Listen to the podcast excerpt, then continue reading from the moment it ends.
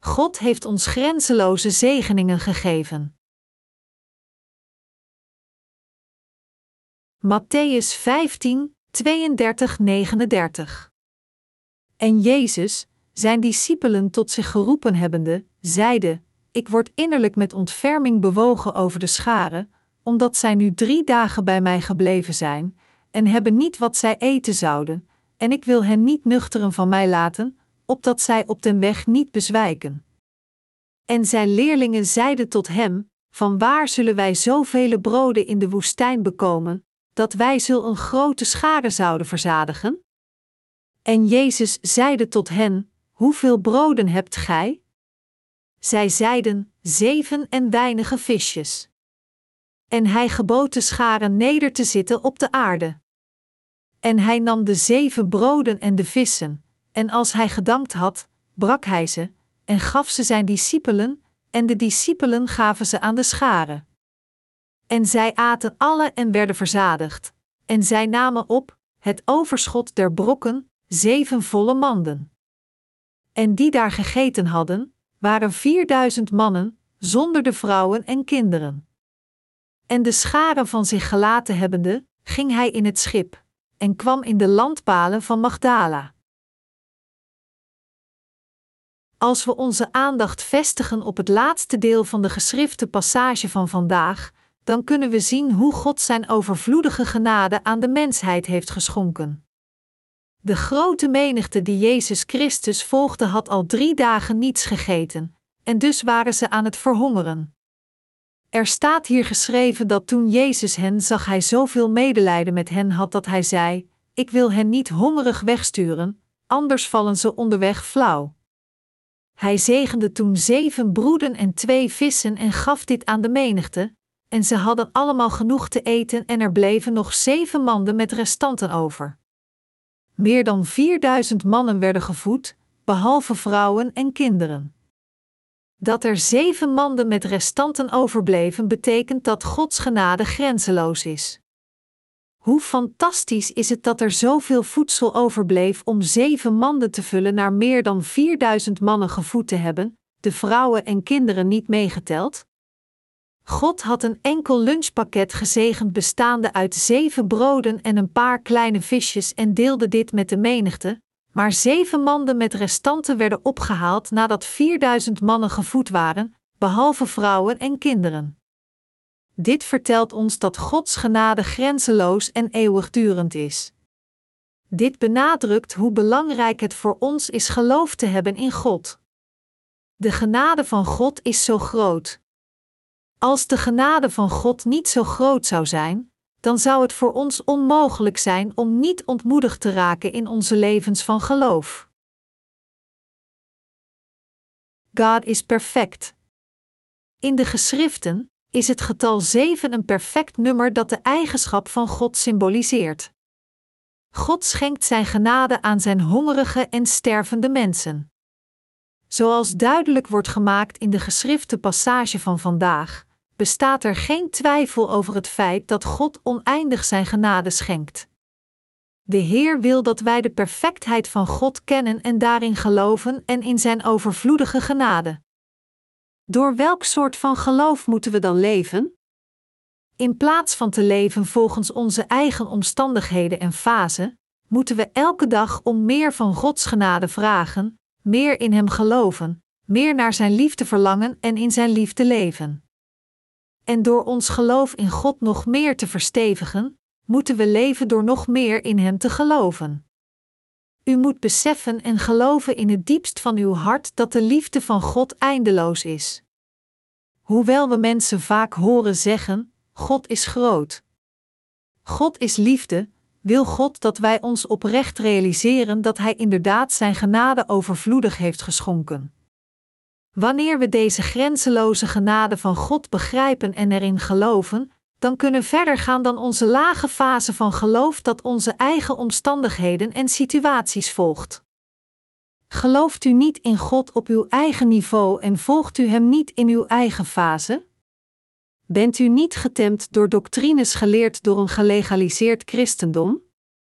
Als u uw leven van geloof tot nu toe hebt beoordeeld op basis van uw eigen standaard, en vond dat u tevreden of gekweld werd, afhankelijk van dit resultaat, is het nu de tijd dat u verder gaat dan deze fase van geloof en u in Gods diepe, grenzeloze en perfecte rijk van geloof komt.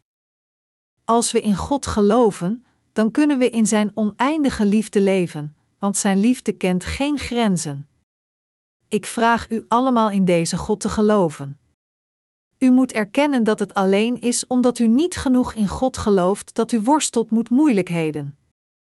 Als we geen geloof in de grenzeloze genade van God hebben, dan zullen onze harten vaak vervuld worden met ontmoediging en lijden. Er zijn ook momenten dat we denken dat God onze kwellingen niet kent, en daarom binden we ons met dergelijk lijden. Dat is waarom we het moeilijk vinden om door te gaan met onze levens van geloof alsof we de enige zijn die lijden. Echter, zelfs als we het gevoel hebben dat God ons tijdens onze strijd van lijden, moeilijkheden en pijn alleen laat, kent God ons nog steeds en giet Zijn grenzeloze liefde over ons uit. Daarom, wanneer we lijden of moeilijkheden aanschouwen, hebben we nog meer redenen om ons aan God te wenden, die deze ongebonden genade aan ons schenkt. Zelfs vandaag vraagt God aan u: vertrouw uzelf aan mij toe, vertrouw op mij en geloof in mij. Onze God is niet de soort van God die zijn genade aan ons schenkt om halverwege ermee te stoppen. Integendeel, hij is de God die zeven manden vol voedsel overhield nadat hij meer dan 4000 mannen had gevoed. Hij is niet de God die u in de steek laat op een moment dat u uitgeput bent en zijn hulp wanhopig nodig heeft, maar hij is de God die meer dan genoeg genade schenkt om iedereen te voeden en toch nog zeven manden overhoudt. De genade van God is ook niet iets dat aan ons geschonken wordt om halverwege te stoppen. Het is de genade die voortdurend en oneindig aan ons geschonken wordt. Was er een moment in uw leven dat u dacht dat uw leven voorbij was? Of was er een tijd in uw leven van geloof dat u dacht: mijn leven van geloof staat op het punt van beëindiging?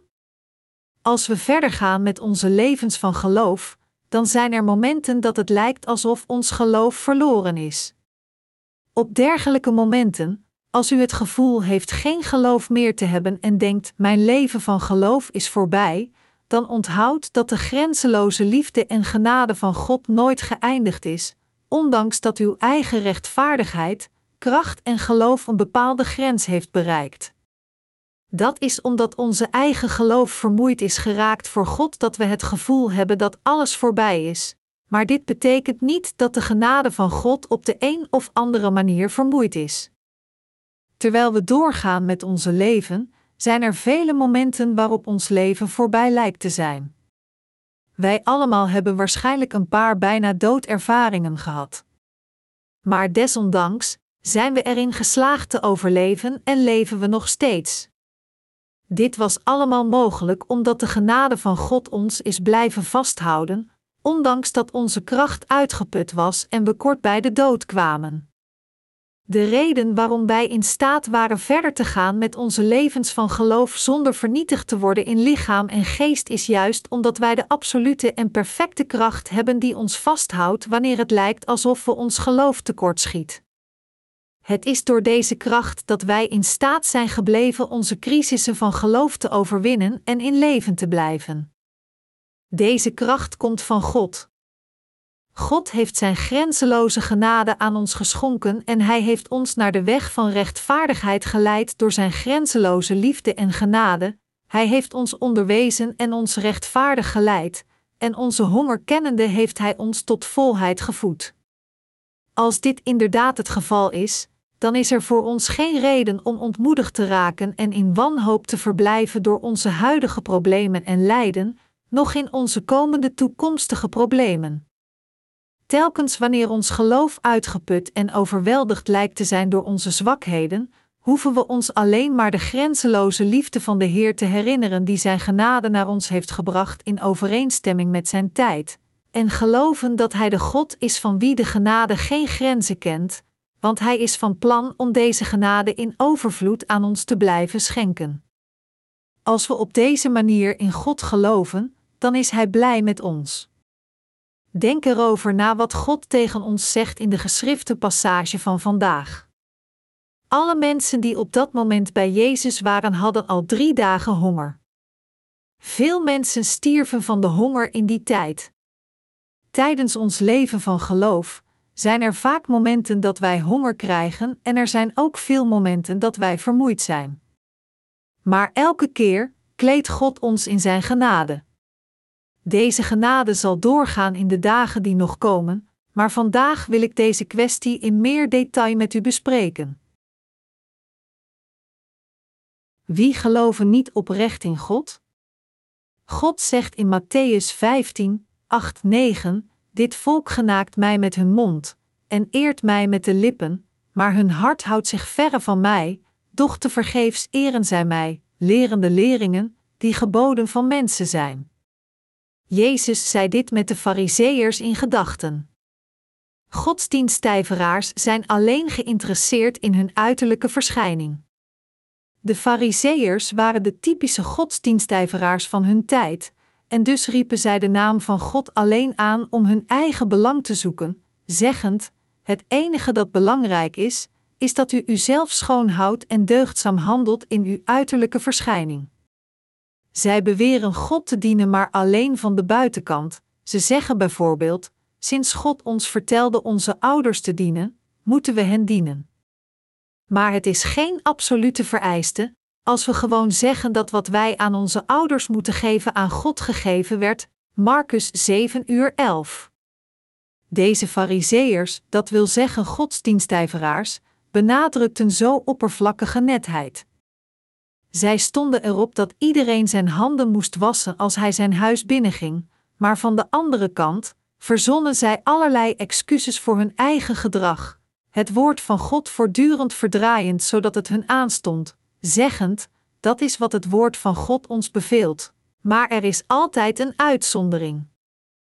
De Heer zei tegen ons: Wat er door de mond van de mens naar binnen gaat, kan hem niet verontreinigen. Het is wat er van binnenuit komt dat hem verontreinigt. Marcus 7, 18, 20. We moeten bevrijd worden van deze oppervlakkige netheid. Dit betekent dat elke doctrine die beweert dat wij alleen schoon moeten zijn van de buitenkant, alsof datgene wat er door onze monden gaat ons verontreinigt, niet juist is. Met andere woorden, alle dingen die door de mond naar binnen gaan kunnen niemand verontreinigen, maar het is wat er van de binnenkant uitkomt dat iemand verontreinigt. Veel religieuze mensen denken bij zichzelf: het is wat door de mond van de mens binnenkomt wat hen verontreinigt. Mijn medegelovigen, ik vraag u allemaal te beseffen dat wat door de mond naar binnen gaat niemand verontreinigt. Ongeacht hoe ijverig en deugdzaam iemand zijn hele leven in zijn uiterlijke beschijning heeft geleefd, als zijn binnenkant bezaaid is met smerige zonden, dan is hij geen rein mens. Onze Heer zegt dat wat de mond binnengaat niet het probleem is. Mensen denken dat als zij het eten wassen voordat het de mond binnengaat, hun binnenkant op de een of andere manier schoon blijft. Dat is wat de Fariseërs dachten. En het waren niet alleen de Fariseërs die zo dachten, maar vele anderen dachten ook zo. Zij dachten dat als zij alles reinigen wat door hun mond naar binnen gaat, zij dan zuiver zouden blijven, maar dat is nooit zo geweest. Jezus zei: Wat uit de mond naar buiten komt, komt vanuit het hart, en het is wat er uit de mens naar buiten komt dat hem verontreinigt. Laten we nadenken over de zonden die uit de harten van de mensheid komen. We moeten over de volgende vraag nadenken: hoe smerig is de mensheid? En hoe nutteloos is de reinheid van de buitenkant bij de mensheid? Jezus zei dat alles dat uit de mond van de mensheid komt uit het hart komt, en dit betekent dat wat er uit het hart komt, de fundamentele aard van de mensheid is. De Heer zegt dat wat er uit de mond van de mens komt niets anders is dan hemzelf en dit is wat anderen verontreinigt. Dat wat er uit de mond komt is wat er uit het hart komt en het is noodzakelijk dat wij weten wat er uit de mond komt, dat wil zeggen dat het is wat er uit onze harten komt. Laten we hier kijken naar Matthäus 15 uur 19 want uit het hart komen voort boze bedenkingen, doodslagen, overspelen, hoererijen, dieverijen, valse getuigenissen, lasteringen. Jezus zei hier dat wat er uit het hart komt zijn slechte gedachten, moord, overspel, ontucht, stelen, valse getuigenis en lastering, en dat het deze dingen zijn die de mensheid verontreinigen. Als we naar onszelf kijken als menselijke wezens, even het feit vergetend dat de Heer al onze zonden heeft uitgewist, hoe zouden we onszelf dan zien? Kijk goed naar uzelf, maar ook naar anderen. Als we onszelf gereflecteerd in het woord van God in onze levens zien en Jezus Christus aan de kant zetten als we naar onszelf kijken, dan zullen we ons realiseren hoe zondig wij allemaal zijn. Wij praktiseren constant niets anders dan het kwade. Wij vloeien over met slechte gedachten, moord, overspel, ontucht, stelen, valse getuigenis en lastering. Als we ons geloof in Jezus Christus aan de kant zetten, dan zijn wij als menselijke wezens niets meer dan een opeenstapeling van zonden. De aard van de mensheid, wat er uit menselijke wezens komt en wat er uit het menselijke hart komt, is allemaal slecht. Het is niet overdreven om te zeggen dat de fundamentele aard van de mensheid besmet is met dergelijke ongerechtigheden zoals slechte gedachten, moord, overspel en stelen. Het is zo duidelijk als een klaarlichte dag dat de mensheid gewoon een gebroed van zonde is dat niet anders kan dan alleen maar slechtheid en smerigheid uit te spugen. Hoewel veel mensen, gehersenspoeld door religieuze leerstellingen, denken dat er iets goeds in hen zit, is het juist omdat menselijke wezens fundamenteel slecht zijn, dat ze goedheid zoeken.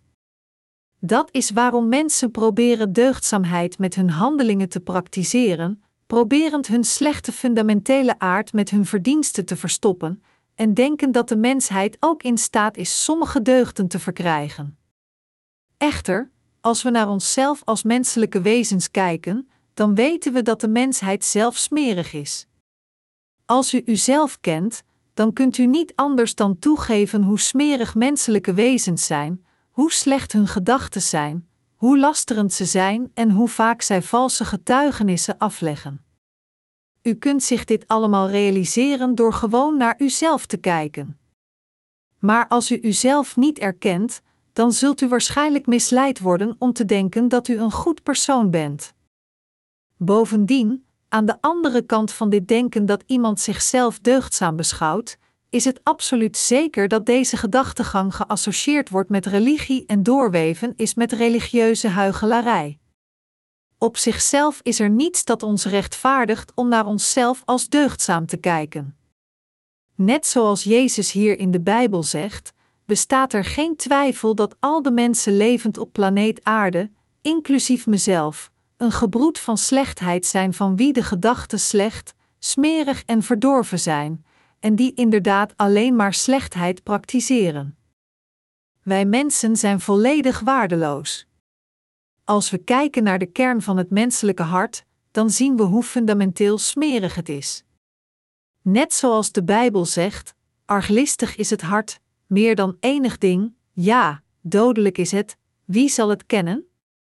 Jeremia 17, 9 Er is niets dat smeriger en verdorven is dan het menselijke hart. Alle andere dingen in deze wereld, zoals bloemen, zijn schoon zoals ze zijn. Integendeel, menselijke wezens proberen hun smerigheid met hun huigelarij te verbergen. Van de hele schepping praktiseert alleen de mensheid huigelarij, niet in staat zichzelf te herkennen. Het is juist omdat menselijke wezens huigelachtig zijn dat zij zichzelf misleiden te denken dat zij deugdzaam zijn, als menselijke wezens in hun ware aard worden blootgesteld, dan zijn ze zo smerig, slecht en lelijk dat ze zelfs smeriger zijn dan het afvalwater in het riool en het vuilnis op de vuilnisbelt. Hoe zit het met uitwerpselen gevuld met maden? Zijn zij niet ook ingesloten in dwalle dingen? Natuurlijk zijn ze dat. Zo ja, dan is het menselijke hart nog smeriger dan deze uitwerpselen en de maden die daarin leven. Dit is de ware aarde van de mensheid. Kent u uzelf goed? Het probleem is echter dat wij onszelf niet goed kennen. Soms kennen zelfs diegenen die de vergeving van zonden hebben ontvangen zich nog niet goed. En dien ten gevolge zijn ze trots als ze iets bereiken, maar als hun gebreken geopenbaard worden, dan eindigen zij met een grotere teleurstelling dan de trots die ze ooit gevoeld hebben. Er zijn veel hongerige mensen die Jezus Christus volgen. Jezus had zoveel medelijden met deze mensen uitgeput door de honger dat hij een wonder uitvoerde om hen te voeden. Maar welk soort mensen zijn diegenen die oprecht honger hebben in hun geest? Het zijn diegenen die weten wie ze echt zijn. Als menselijke wezens zichzelf eenmaal kennen, dan sterven zij geestelijk zoveel dat ze volledig vermoeid raken. Dus vragen ze de goden van de wereld wanhopig maar te vergeefs om hulp. Alleen God kan hen zijn goddelijke genade geven, en dit is inderdaad waar. Van de andere kant zijn er veel mensen die leven zonder zichzelf te kennen, maar het heeft geen zin dat zij voor God komen en Hem om hulp vragen als zij zichzelf niet kennen. Nog heeft het zin God te smeken: help me alstublieft maar een klein beetje, vergeef me alstublieft deze ene keer. Dit is het verkeerde gebed, dat niets meer zegt dan: ik ben maar een beetje smerig en ik heb alleen maar een klein beetje hulp nodig. Voor de rest zal ik zelf zorgen. Als u zich uw volledige slechtheid realiseert en toegeeft: ik ben smerig. Mijn gedachten zijn smerig net zoals mijn handelingen smerig zijn. Ik ben niets meer dan afval, dan pas kan uw hart echt arm en echt hongerig en dorstig worden naar rechtvaardigheid. Als u en ik nog steeds denken dat we iets deugdzaams hebben van onszelf nadat we wedergeboren zijn, dan moet u opnieuw nadenken. Als u toevallig denkt dat u op de een of andere manier rechtvaardigheid kunt praktiseren, dat er iets goeds is aan u en dat u bepaalde deugden hebt, dan kan dit alleen betekenen dat u nog steeds niet hongerig bent in uw geest. Alle menselijke wezens, inclusief u en ik, zijn volledig verdorven, net zoals de Heer zei. Vanaf het moment dat we werden geboren, waren we al door ons lot voorbestemd om verdorven te zijn. Sinds de val van Adam en Eva worden alle menselijke wezens geboren als een gebroed van volledige smerigheid en verdorvenheid. Als u en ik onze ware aard gaan realiseren, dan in plaats van op te scheppen over onszelf, zullen we in rouw zuchten. Ondanks dat we gekwetst zijn als we onszelf kennen en dit toegeven, wat zal er vervolgens gebeuren? We zullen ons gaan realiseren dat het juist aan deze mensen is, aan welke God zijn genade schenkt. Het is dan dat wij in staat zijn in God te geloven door op deze genade te vertrouwen en te accepteren, en diegenen die hierin geloven zijn in staat zijn genade door geloof te vinden. Maar diegenen, die nog steeds niet weten wat voor mensen ze zijn, beschouwen zichzelf als iemand in staat om iets rechtvaardigs te produceren, en dus houden ze zichzelf bezig door God met hun eigen deugden te dienen. Dergelijke mensen wankelen heen en weer, God en zichzelf half om half dienend. Maar van de andere kant, diegenen die weten dat zij ontoereikend zijn, erkennen dat ze volledig verdorven zijn en leggen hun verwachtingen alleen in de genade van God, ondanks dat zij ook een klein beetje kunnen wankelen. Met andere woorden, door op God te vertrouwen en alleen in Zijn genade te geloven, krijgen ze geloof in Zijn woord en Zijn genade. God schenkt dezelfde zaligmaking ook aan de niet-Joden. Op een dag, toen Jezus door de regio van Sidon reisde, kwam een Canaanese vrouw uit die regio naar hem toe en riep: Heb genade met mij, o Heer, zoon van David. Mijn dochter is ernstig bezeten door demonen. Wat betekent het als er wordt gezegd dat een niet-Joodse vrouw levend in de regio van aan Jezus opzocht en zei: Heb genade met mij? In wezen betekent dit dat deze vrouw haar verdorven en smerige staat volledig kende en dit toegaf. Bovendien zag de vrouw niet alleen haar ware ik, maar ze zag ook dat haar dochter bezeten werd door slechte demonen en toen ze eenmaal haar smerigheid had gezien, had ze geen andere keus dan volledig op Jezus te vertrouwen en zich aan hem vast te houden. Dat is waarom zij naar Jezus rende en zei: Heb genade met mij, zoon van David. Deze vrouw, die zichzelf goed kende, smeekte Jezus om haar dochter te helpen, door te zeggen: Mijn dochter lijdt enorm omdat ze bezeten is door demonen. Heb alstublieft medelijden met mij. Maar ondanks dit keek Jezus zelfs niet om en zei in plaats daarvan: Het is niet betamelijk het brood der kinderen te nemen en den hondekens voor te werpen. Jezus behandelde deze vrouw als een hond. Hij zei rechtstreeks in haar gezicht: U bent niet beter dan een hond. Kijk eens hoe de vrouw reageerde ondanks deze belediging, zeggend: Ja, Heer, maar zelfs de kleine honden eten de kruimels die van de tafel van hun meester valt. De vrouw gaf zichzelf aan Jezus bloot, zeggend: Ja, u hebt gelijk. Ik ben een vrouw die niet beter is dan een hond. Ik ben een hond. Jezus sprak over honden als indirecte verwijzing naar de vrouw, want hij wist alles over het hart van de vrouw, en op haar beurt bekende deze vrouw dat ze precies wist wat ze was, want zij wist dat ze als een hond was. Anders gezegd, ze had haar dochter even aan de kant gezet en accepteerde als eerste dat zij zo'n vrouw was. Dit is hoe deze vrouw in staat was genade bij God te vinden. Mijn medegelovigen, ondanks dat wij zijn wedergeboren, welk soort van mensen zijn wij fundamenteel? Wij zijn zelf ook niet beter dan een hond. Jezus zei dat wat er uit het menselijke hart komt de mensheid verontreinigt. Wat er uit het hart van de mensheid komt zijn allerlei soorten zonden, van slechte gedachten tot moord, overspel, diefstal, nijd, conflicten, trots enzovoort. Met andere woorden, Jezus vertelde ons dat niemand anders dan wij zelf geboren werden met zonden als een hond. Een hond keert terug naar de plaats waar hij ooit heeft overgegeven, Spreuken 26, 11. Een hond eet zijn eigen braaksel. De mensheid is hetzelfde. Mensen halen de smerigheid van hun binnenste omhoog om het daarna opnieuw in te slikken. Ze plegen zondige handelingen, hebben berouw en plegen dan opnieuw nog meer zondige handelingen, dit keer op keer herhalend. Wat denkt u? Denkt u dat wij mensen beter zijn dan een hond? Nee, wij zijn niet beter. Onze harten zijn smeriger en meer verdorven dan een hond. Als u goed naar uzelf kijkt, zult u beseffen hoe laag en slecht u echt bent en dat u geen andere keus hebt dan grondig teleurgesteld te zijn in uzelf. Wat zou er gebeuren als mensen hun ware aard nauwkeurig zouden zien? Ze zullen allemaal teleurgesteld zijn over hun eigen smerige en verdorven beeld.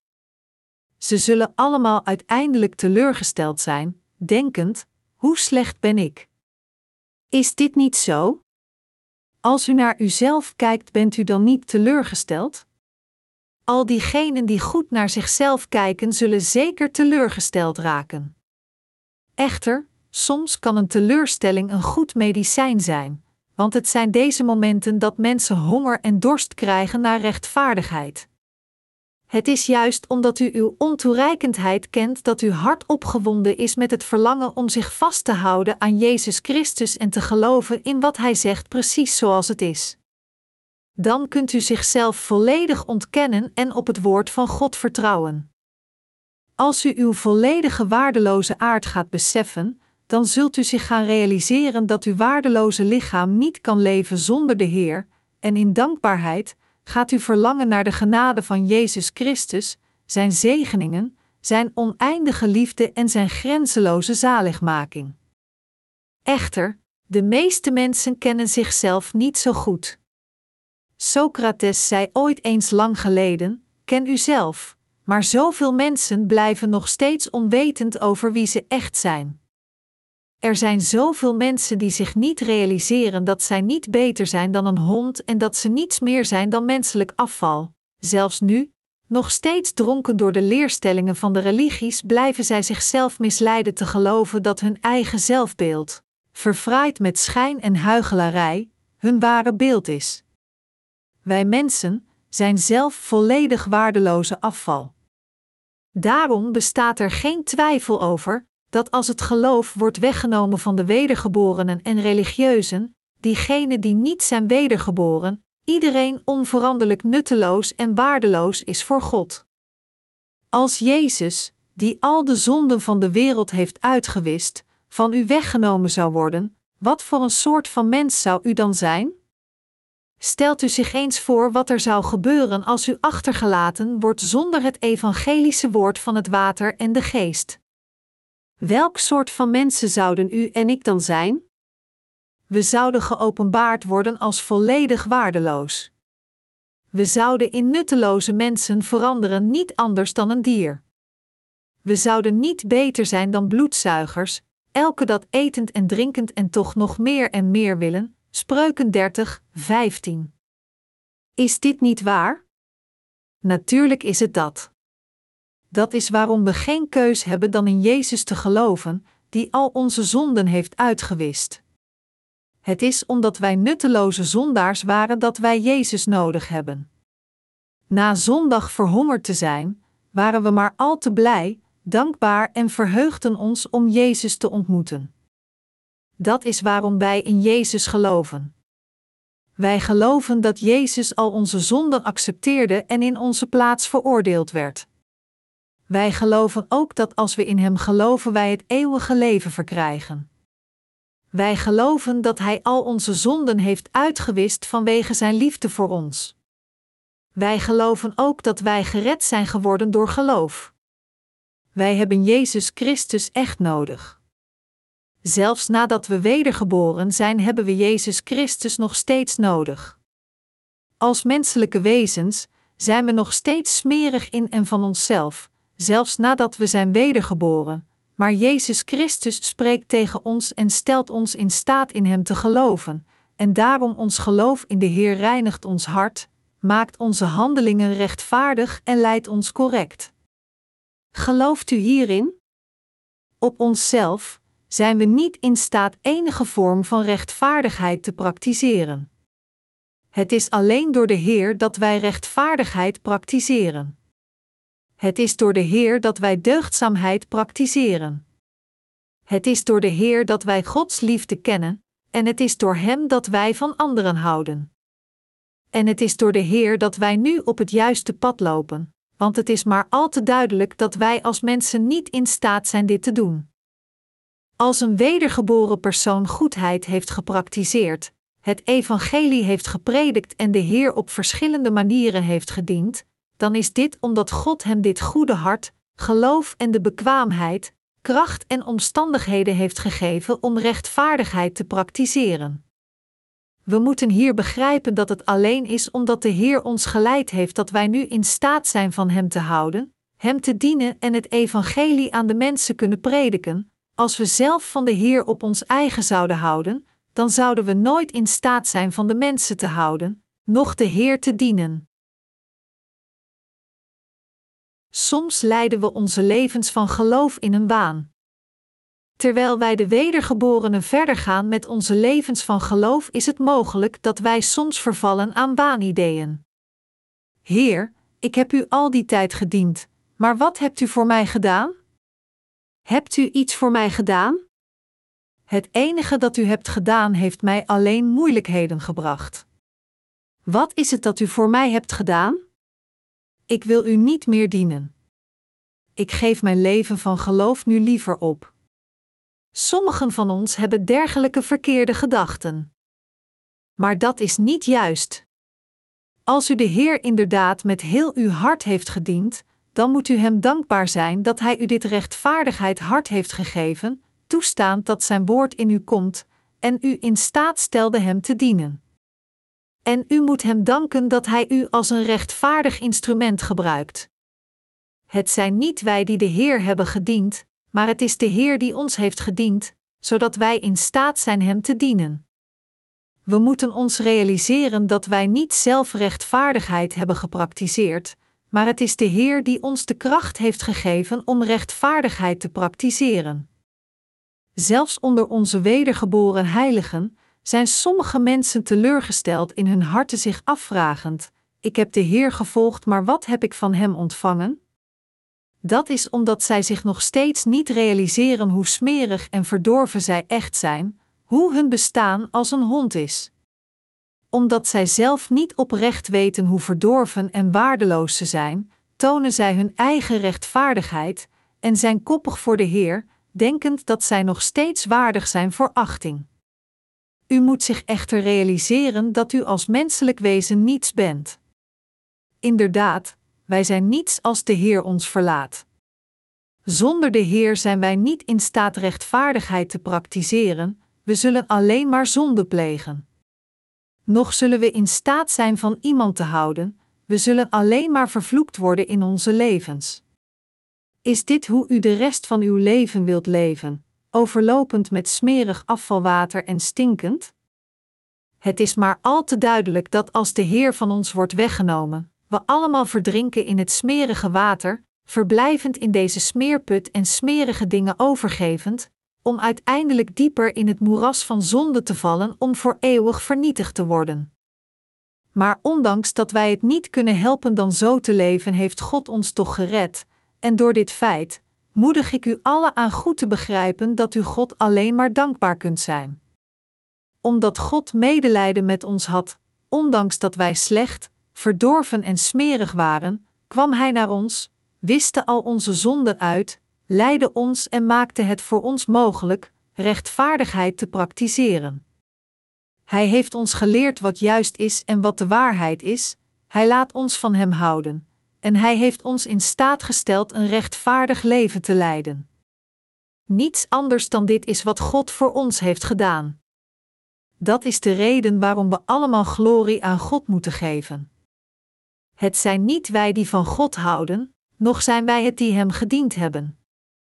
Het is de Heer die van ons hield, het is Hij die ons in staat heeft gesteld om onze levens niet te verspillen, en het is God zelf die ons naar het juiste pad leidt, zodat wij door Hem beloond worden. Mijn medegelovigen, wie is de meester in onze levens? Is uw leven echt van u? Nee, dat is niet zo. Wie is de drijvende kracht achter ons leven, en wie heeft ons in staat gesteld om rechtvaardigheid en deugdzaamheid te praktiseren, lief te hebben en een oprecht leven te leiden? Het is niemand anders dan Jezus Christus, niet wij. Zonder de Heer zijn menselijke wezens volkomen waardeloos, de ene fout na de andere makend. Van tijd tot tijd kijk ik naar mezelf en realiseer me dat ik, als ik het werk van de Heer niet zou doen, ik een volledig nutteloze man zou zijn die niets anders doet dan zijn hele leven zonde te plegen. Ik zou niet alleen zonde plegen, maar ik zou er een expert in zijn. Ik weet zeker dat ik in staat zou zijn in deze wereld sluw te leven, van al haar plezier zou genieten en elke denkbare slechte daad zou plegen, al de tijd sluw de wet omzeilend om aan de gevangenis te ontsnappen. Misschien bent u te deugdzaam dat dit in uw geval waar is. Sommigen van u denken dat er nog steeds iets deugdzaams in u zit, zelfs als u de Heer niet volgt, maar wat mij betreft, ik weet dat ik niets anders ben dan een opeenstapeling van zonde tenzij ik de Heer volg.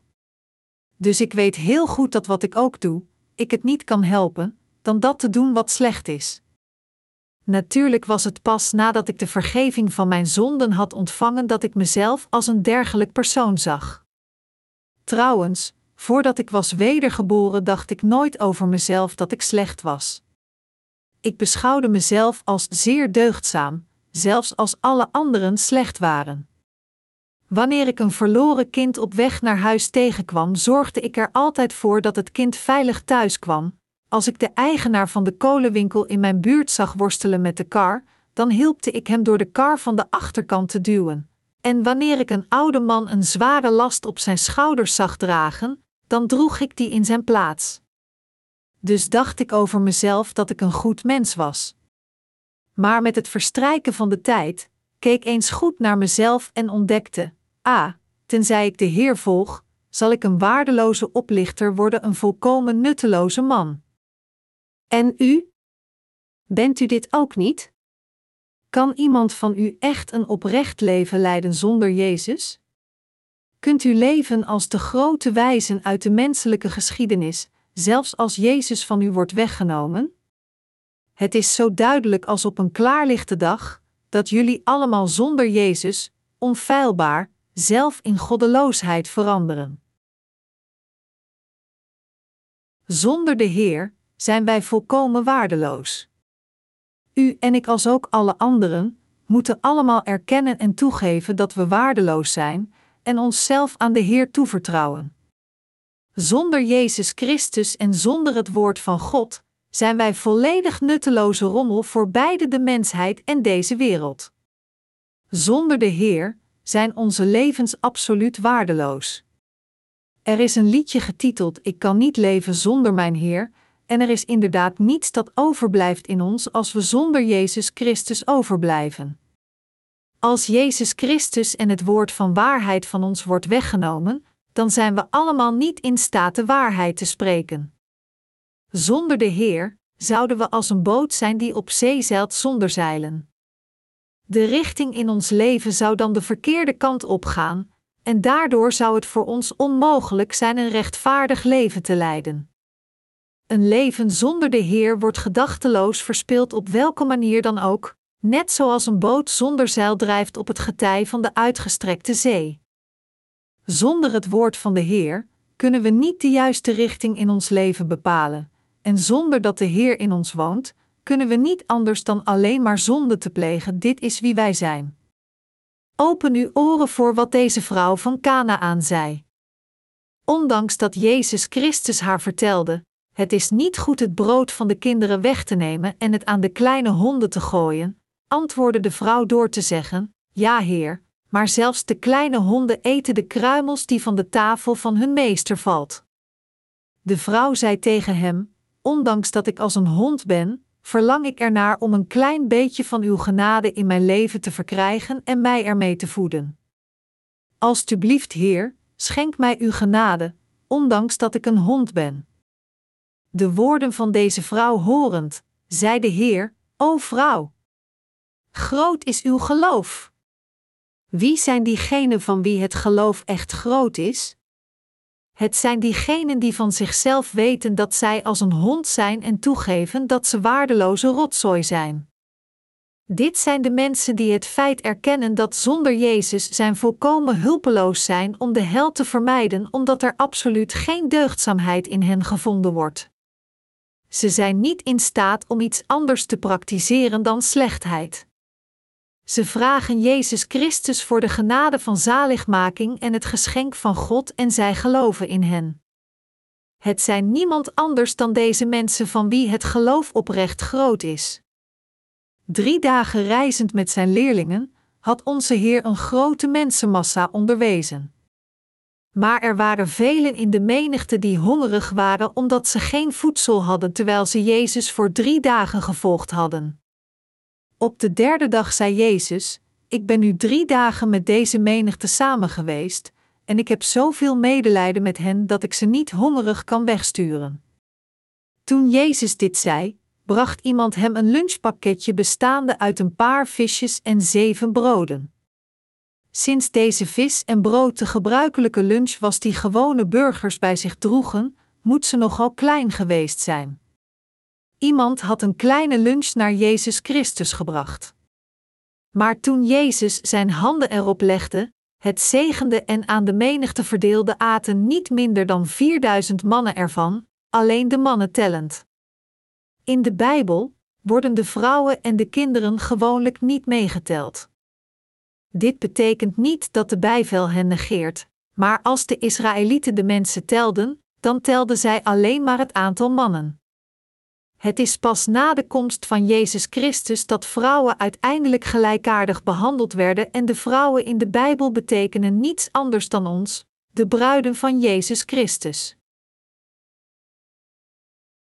We moeten de Heer om Zijn genade vragen, die de fontein van alle zegeningen is. Er staat geschreven in de geschriften passage van vandaag. En Jezus, zijn discipelen tot zich geroepen hebbende, zeide: ik word innerlijk met ontferming bewogen over de scharen, omdat zij nu drie dagen bij mij gebleven zijn, en hebben niet wat zij eten zouden, en ik wil hen niet nuchteren van mij laten, opdat zij op den weg niet bezwijken. En zijn discipelen zeiden tot hem: Van waar zullen wij zoveel broden in de woestijn bekomen, dat wij zulk een grote schade zouden verzadigen? En Jezus zeiden tot hen: Hoeveel broden hebt gij? Zij zeiden: Zeven, en weinige visjes. En hij gebood de scharen neder te zitten op de aarde. En hij nam de zeven broden en de vissen, en als hij gedankt had, brak hij ze, en gaf ze zijn discipelen, en de discipelen gaven ze aan de scharen. En zij aten alle en werden verzadigd, en zij namen op het overschot der brokken, zeven volle manden. En die daar gegeten hadden, waren vierduizend mannen, zonder de vrouwen en kinderen. Mijn medegelovigen, wij zijn allemaal hongerige mensen. Wij zijn ontoereikend, we zijn arm en we zijn verstoken van elke rechtvaardigheid. Wij mensen leven niet alleen van het brood voor het vlees, maar we moeten ook het geestelijke brood eten. Dat is hoe elk menselijk leven wordt onderhouden. Wanneer we te verhongerd zijn om door te gaan met onze levens in deze wereld, strekte Jezus zijn handen naar ons uit en raakte ons aan. Inderdaad, als Jezus Christus niet naar deze aarde was gekomen, dan waren we niet in staat geweest om het geestelijke voedsel te eten, nog het boord voor onze zielen, nog het brood voor het hart. Zonder Jezus is de hele planeet Aarde en alles erop niets meer dan afval. Ondanks dat veel mensen wijze gezegdes hebben achtergelaten, van Boeddha tot Confucius, Plato, Socrates en Gandhi, zonder Jezus is alles dat in feite uit de mensheid komt afval. Maar, wat gebeurde er? In de geschriften passage van vandaag wordt gezegd dat Jezus de menigte voedde. En er wordt ook gezegd dat zelfs nadat iedereen naar hartelust gevoed was, er nog genoeg overbleef om zeven manden te vullen met de restanten. Nu, zoals eerder, is de genade van God altijd grenzeloos.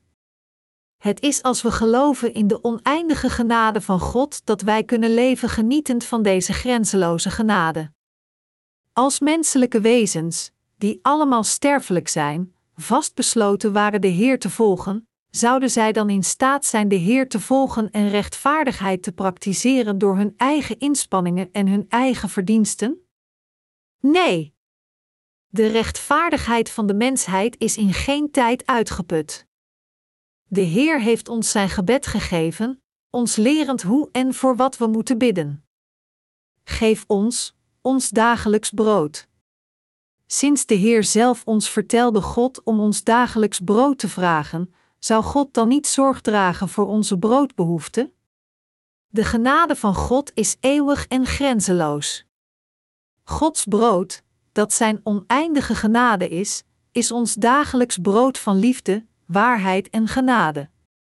Onze God heeft ons dit brood voor eeuwig geschonken en iedere dag eten wij dit dagelijkse brood met geloof. De overvloedige genade die God aan ons geschonken heeft, is niet iets dat alleen in het verleden werd gegeven, maar het is iets dat voor eeuwig in de toekomst duurt. Als we onze levens van geloof voorzetten, dan raken we van tijd tot tijd ontmoedigd. Echter, zo gauw we ons geloof vernieuwen dat de genade van God grenzeloos is, dan zal onze ontmoediging gauw veranderen in hoop. Ik moedig u alle aan in dit feit te geloven, dat deze genade van God grenzeloos is en dat God genoeg genade over heeft om zeven manden te vullen. Als u hierin gelooft, dan zal Gods genade voortdurend aan u geschonken worden nu en voor eeuwig.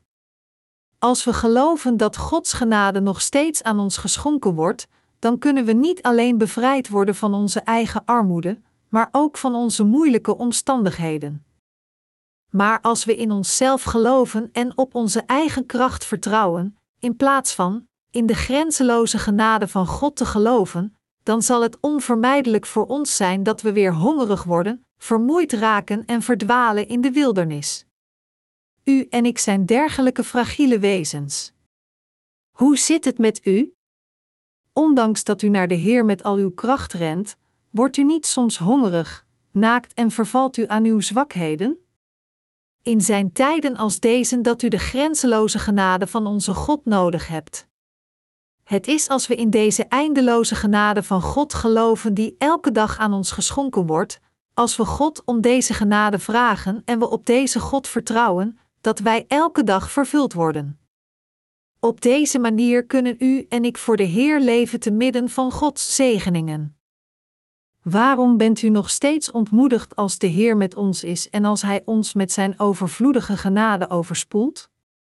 De reden waarom we ons ontmoedigd voelen en in wanhoop vervallen is omdat we niet in de grenzeloze liefde van God en Zijn waarheid en genade geloven. Ondanks dat we allemaal ontoereikend zijn en sterfelijke wezens, is God grenzeloos. Ondanks dat onze kracht beperkt is, is de kracht van Jezus Christus grenzeloos. De liefde van God en Zijn zegeningen voor ons zijn grenzeloos. Hoewel onze eigen rechtvaardigheid is als de voorbijgaande mist die in korte tijd verdwijnt, God zelf is eeuwig. Hij schenkt Zijn eeuwige genade aan het hele menselijke ras. Hij heeft meer dan genoeg genade opgeslagen om een eeuwigheid mee te gaan, en zelfs op dit moment geeft Hij ons deze genade. Mijn geliefde heiligen, de Heer woont in onze harten. De apostel Paulus zei ooit tegen de gelovigen in Korinthe: O Korintiërs, ons hart is uitgebreid. Gij zijt niet nauw in ons, maar gij zijt nauw in uw ingewanden. Nu, om dezelfde vergelding te doen, ik spreek als tot mijn kinderen, zo wordt gij ook uitgebreid. 2 Korintiërs 6, 11, 13. Laten we allemaal deze passage in ons hart graveren. Het is alleen als onze harten dorsten en verlangen naar de genade van God voor Zijn aanwezigheid dat wij Zijn oneindige liefde, eeuwige waarheid en grenzeloze zegeningen ontvangen. Als we niet in staat zijn God om Zijn hulp te vragen, dan is dit omdat onze harten beperkt zijn. Als zodanig moedig ik u allemaal aan te geloven dat God zelf grenzeloos is en dat Zijn hart altijd open is voor u. Als we moeilijkheden aanschouwen, dan is dit omdat wij onszelf in onze harten beperken. De grenzeloze liefde, eeuwige waarheid, ongebonden zaligmaking en oneindige zegeningen die God aan ons geschonken heeft, zijn nooit beperkt. Gelooft u in dit, mijn medegelovigen? Laten we allemaal onophoudelijk om deze genade van God met geloof vragen voor de rest van onze levens. Ik geloof dat Gods zegeningen dan overvloedig aan ons allemaal geschonken wordt.